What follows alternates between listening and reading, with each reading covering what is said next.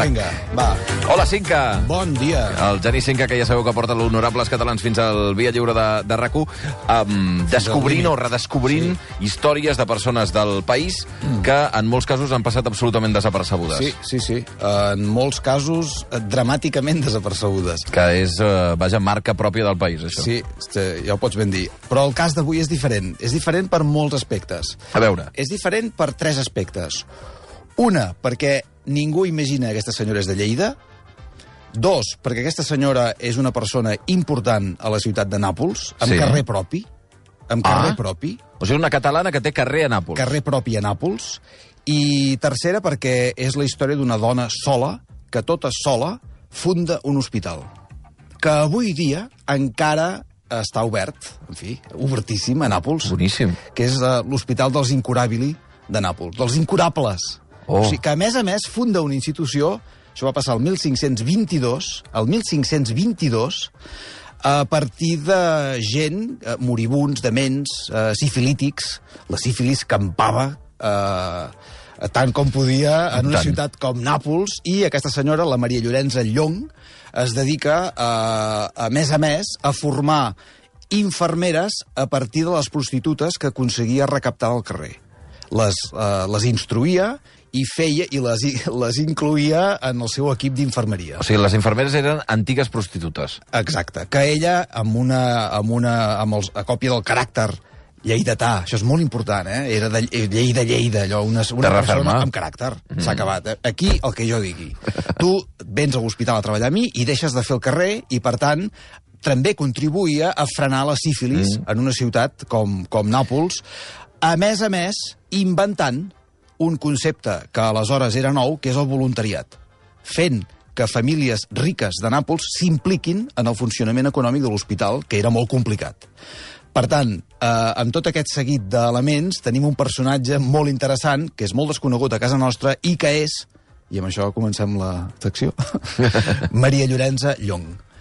Uh, per mi, un de, una de les catalanes més desconegudes de... de, de És el que t'anava a dir. I de les Maria més... Llorença Llong. i de és el més primer cop que, que sento el nom. Sí, sí. A més a més, eh, aconsegueix que estudiants de medicina de tota Europa viatgin al seu hospital per formar-se perquè al costat d'aquest hospital es preocupa i molt de crear, de, de, de formar gent que li portin un hort a partir del qual es crea una, tot un sistema medicinal, d'herbes medicinals, a partir, de, a, a partir del qual es crea una farmàcia, que avui encara es pot visitar amb uns pots fantàstics. Oh, per, Són d'aquella eh, antiga? Sí, sí. Oh, això m'agrada. Eh, per, per fer que, vaja, tot el que l'hospital es nodreixi de les, de les her- herbes medicinals que sortien d'aquest hort.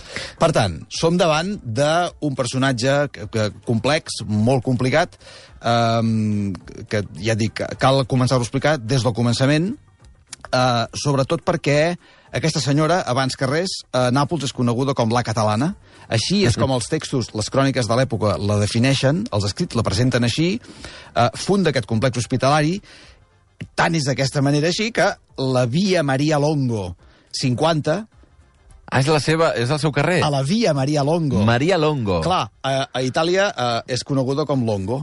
clar. clar. Llong ha Llong. passat a ser Italianitzat, Longo, Maria Longo això. número 50. Aquí trobareu el- l'hospital de l'Incurabili, que és on aquesta senyora, el 1522, funda el seu hospital. Una ciutat, per cert, on el primer episodi important que marca aquesta biografia és quan, sis anys després de la fundació, Sí. en una ciutat infestada per la sífilis, on, per cert, la prostitució era un veritable problema de salut pública molt important, és plena de detalls fabulosos com el que ara t'explicaré.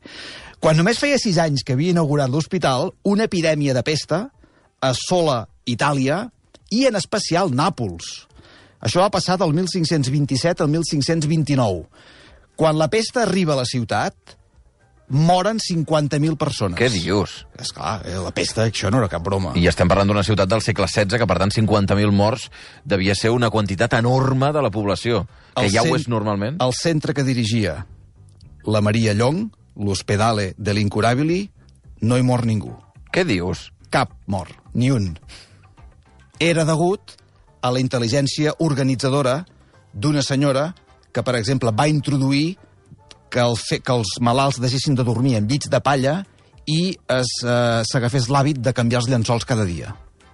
Un hàbit de neteja i d'higiene que feia que totes aquestes persones que entraven a treballar, tant fos del voluntariat o del carrer directament de la prostitució, agafessin uns costums que van capgirar completament el que va passar a ser un centre modèlic a nivell europeu.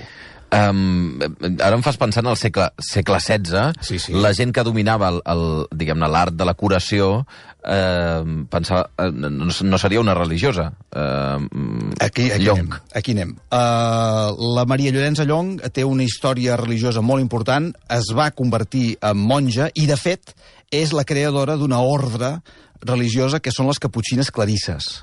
O sigui que, a més a més de tot això, hi ha aquest element religiós que fa que ella mateixa, per devoció, no tan sols religiosa, sinó els malalts, fos la que amb les pròpies mans curava els, aquells malalts més extrems, mm. amb el risc de contagiar-se. Eh, comença a fer famós el centre per aquest servei constant de neteja, que, insisteixo, va, va capgirar completament la vida de l'hospital, per, perquè eh, aquests, eh, aquests hàbits el, el, va fer que els malalts simplement eh, s'alleugerissin molt més i que la malaltia no avancés i perquè havia creat el primer equip d'infermeria en, prostitut, en prostitutors del, del carrer. Amb aquest equip de Convertite, ni idea, le, le Convertite, la Llong va portar aquestes normes d'higiene fins a uns límits tan insospitats que, que va fer que la pesta, quan va arribar, simplement no traspassés aquelles parets. No va morir ningú, en una ciutat on, on simplement hi van traspassar 50.000 ànimes. increïble. Eh, força increïble. Però ella no es deia Llong. Ah, no es deia Llong. No es deia Llong. Es deia Maria Riquensa. Riquensa. D'origen eh, nascuda a Lleida, eh, s'ha pogut saber que hi ha, uns, hi ha unes cròniques escrites um, per la estudiosa eh, pa, um, ara no trobo el nom, la, Maria, la Adriana Valerio, mm -hmm. que ha fet un, un escrit fantàstic sobre aquesta senyora, tot el que ha pogut recaptar, perquè la informació és poca, però suficient perquè de tota Europa hi anaven estudiants a aprendre a l'Hospital de l'Incurabili. S'ha sabut que va néixer a Lleida entre el 1460 i el 1465. Nascuda Maria Riquensa, comença a signar amb el cognom Llong, que és el nom del seu marit, Joan Llong, un valencià que el 1506, atenció amb aquesta dada, es va traslladar a Nàpols quan és nomenat membre del Consell Reial de Ferran el Catòlic, pel viceregnat de Nàpols. Això a l'època anava així. Uh, però ella estava malalta. De fet, de fet, era tetraplègica. Què dius? Quan el seu marit el, el traslladen a Nàpols, és tetraplègica i, de fet, la hipòtesi més ferma apunta que estava afectada d'una artritis reumatòdia molt severa i li desaconsellen que viatgi a Nàpols. Però ella ho fa. Terra ferma. Aquesta senyora I tant, tenia molt, tant. ben, molt ben posats. Un caràcter... Eh? El marit mor el 1508, dos anys després. I ella es queda sola eh, desatenent els consells de la gent que li deia, escolta'm, torna a casa. Però és Perquè que Nàpols- els problemes físics. no, impressionant. Uh, aquesta senyora no caminava. Aquesta no caminava. Ara bé, què, què succeeix aquí? El tema religiós. Uh, té uns grans contactes, evidentment, havien assolit una posició de prestigi social important, grans contactes, amistats uh, d'alta posició, uh, també procedeix una gran fe que fa que era molt creient, eh? fa que el juny del 1509 faci un pelegrinatge al santuari de la Mare de Déu de Loreto que li canvia la vida. Fa aquest viatge amb la seva filla i un gendre, el seu gendre, que es, diu, que es deia Eduardo d'Alençon, i durant la missa es veu que va sentir que les cames se li enfortien, eh, davant de la sorpresa de tothom, què passa, què passa, la Maria Llorenç Alongo eh, s'aixeca i comença a caminar. A partir d'aquest fet, el bundó aixeca les celles. Sí, dir, perquè... I- No, clar, a veure, són les, les cròniques de l'època, això clar. a l'època anava...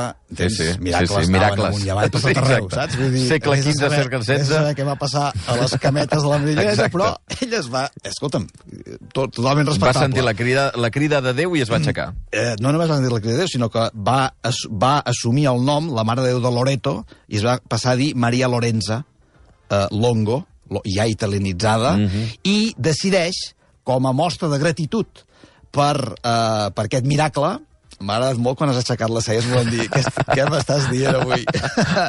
Però a partir d'aquests esde- esdeveniments de Loreto, la Llong adopta l'hàbit de terciana franciscana eh, i vots per dedicar-se als malalts. Per tant, es fa monja. Val? Que, però, te- perdona, la vida que estàs dient de la, respost, la té Longo... res- Tot, això, sí, tot això era per respondre. Però, però l'haurien de beatificar, aquesta senyora, si li ha passat això, que és un miracle. De fet, està, està beatificada, té, Ah. té una causa de beatificació en marxa, oberta Sí? al Vaticà. Ah, això, oh, oh, quan vivia a boníssim. Roma ho vaig estar mirant. està oberta la causa, però, eh, per tant, podria ser santa en qualsevol moment. Què dius? Què? Perdona. D'acord, d'acord. Eh, No, però és que el que ara t'explicaré és impressionant.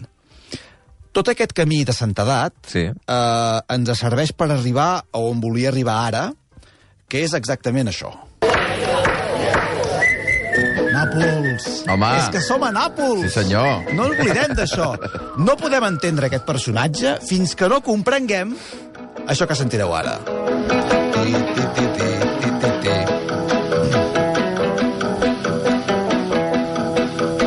A sera con Pevica, qua chitarra scende pantoleta. Mira com somriu el Dani. S'ha oït el radi. És que, clar, Sí. què ha passat? Estem tornant a casa, Dani, o què? Clar. Sí. Uh, I em fa que sí amb el cap. El. Dani Puntiprats, sí. que és el nostre tècnic, Sí, i és napolità. eh, evidentment eh, és eh, d'arrels napolitanes i va treballar A on? a 50 metres el primer, la primera feina que va tenir va ser en una ràdio local a Nàpols, a 50 metres d'aquest hospital. Però què dius? Sí, sí, m'ho acaba d'explicar, eh? Tampoc ara jo Al, sé. a l'hospital dels... Eh, Al costat, Dels a- incurables? A, la plaça Cabur.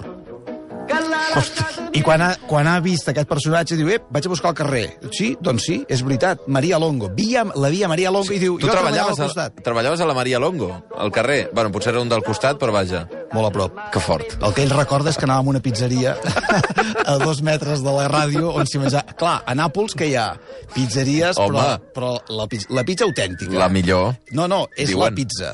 Fora d'allà no existeix la pizza. La pizza veritat. napolitana. A ell li passa no... això, que quan parles de pizzas que no són dins dels cànons de, Sí, del raó. Nàpols, diu que, que no és pizza, que és una altra cosa. Bé, jo, jo hi he estat allà. Té, té raó. O sigui, és així, perdó. Dani, fa, aixeca el dit al polze. Uh, seguim, perquè el bo, el bo més bo ve ara, però no entendríem aquest personatge si no comprenem uh, un cantautor com el Renato Carosone, mític uh, napolità, que és aquest senyor que sentim, i que també i que també és aquest senyor que cantava i va composar açò. Pum.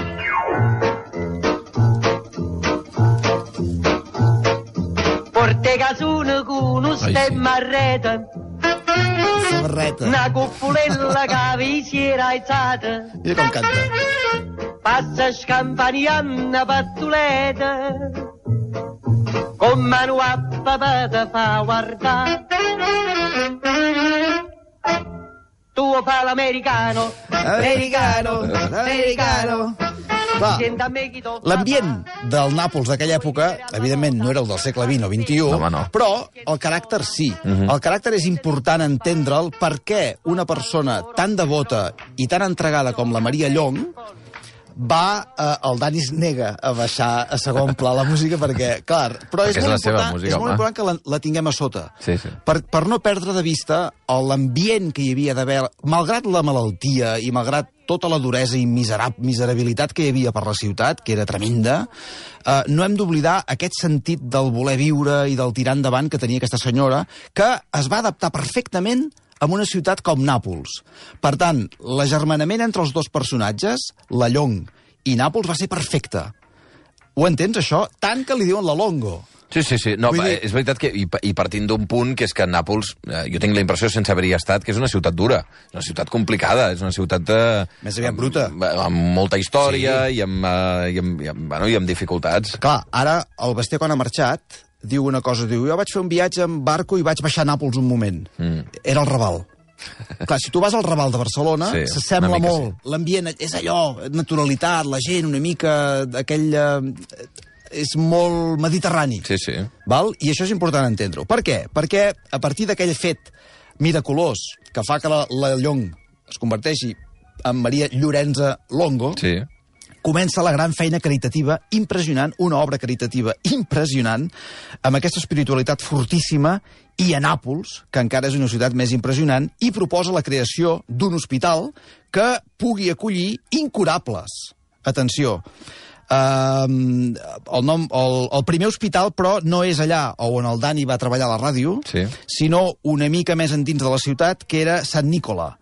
Uh, Sant Nicola se li fa petit de seguida, de tal manera que el trasllat a, Sant, a l'Hospedale, et dic tot nom sencer, Hospedale Santa Maria del Popolo dell'Incurabili, el 23 de març del 1522, és recordat per una imatge inoblidable, totalment fílmica, eh, que és els malalts incurables sortint de Sant Nicola i traslladant-se a les noves dependències de l'Incurabil i de la Llong Caminant amb pel crosses carrer. caminant pel mig del carrer clar. per traslladar-se amb, amb els, el personal que tenia de voluntari la Llong amb moribuns, esgarrats, creuant pels carrers de Nàpols amb les crosses sota el braç o, o, o, o, o directament portats pel personal que hi treballava, gratis, gratis, per aquesta monja lle lleidatana moribuns, sifilítics, bueno, cosa... Sí, Sí, sí. sí. La imatge, te l'imagines, no? Una imatge absolutament impressionant. Uh, la rectora, o la governatrix, com n'hi deien... Governatrix. Uh, la governatrix, li deien així. Sona fatal. Oh, aquesta senyora manava, eh? Atenció, eh? Aquesta senyora havia de manar, i molt, sobretot perquè amb el suport de les autoritats civils i religioses que la, que la, que la secunden, políticament i econòmicament, aconsegueix tirar endavant eh, aquest hospital. Sobretot amb dos fets molt importants. El primer dels quals és la farmàcia. Crea una... Eh, eh, fa, es fa fer un hort eh, a dins d'aquest complex hospitalari que, torno a dir, eh, la gent que vagi a Nàpols el pot visitar. Mm -hmm. Que no es facin mal, eh, que hi vagin per, per veure com, com, com està fet, perquè és igual com era aleshores, com es va construir, un hort per a l'estudi de les herbes medicinals i eh, farmacèutics. A l'hospital s'hi practica per primera vegada l'anestèsia No fotis. fins aleshores inèdita. És clar, vull dir, tot això és, uh, és molt fort, de, tant, de tal manera que arriba a tenir 2.000 malalts, l'hospital arriba a créixer tant que es converteix en una institució d'avantguarda, precursora dels sistemes de la sanitat pública, precisament per la presència de metges i estudiants de tota Europa que s'hi traslladen per aprendre medicina. És clar, el fet de canviar els llençols, els hàbits eh, de neteja, però afegit al, al, a la circumstància humana que aquesta senyora eh, es dedica a la governatrix a recuperar, a, a, a, a combatre malalties infeccioses, focalitza la seva tasca a convèncer les prostitutes, que són les principals víctimes de la sífilis, que ho deixin. Els hi arriba a pagar diners de la seva butxaca eh, en valor del que guanyen al dia perquè entrin a l'hospital a formar part del seu equip d'in- d'infermeres. Era una persona realment convincent, havia de ser, va, Oh. un cop et, et posava l'ull a sobre, tremenda, fins i tot va aconseguir casar alguna d'aquestes dones amb personal que treballava a l'hospital. L'objectiu era reclutar-les, tenir cura dels malalts, col·laborar amb els metges, barbers i sacerdots que també treballaven a l'Hospedale de l'Incurabili.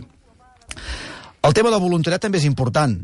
S'inventa una forma de voluntariat que és, arriba a ser la característica més destacada del funcionament intern d'aquest hospital. Per què? Perquè no tenia diners, perquè havia de trobar, havia de trobar peles d'on fos i aleshores se li acut que la manera de fer-ho és creant un patronat, mira tu quina paraula que sembla tan moderna, Sí. Un patronat que amb membres de l'elit napolitana perquè l'ajudin econòmicament a la seva tasca. No només econòmicament, sinó que digui, senyora X, vostè posa aquests diners, però vull que vingui unes hores al dia perquè m'ajudi i sàpiga els seus diners amb què estan invertits. S'acaba d'inventar eh, una mica la tasca de mecenatge del mecenes que baixa a l'arena perquè vegi on van els seus diners i, per tant, s'impliqui. La paraula, la paraula implicació. Uh, és, és una cosa, és absolutament impressionant com aquests 24.000 baci de l'Adriano Celentano. I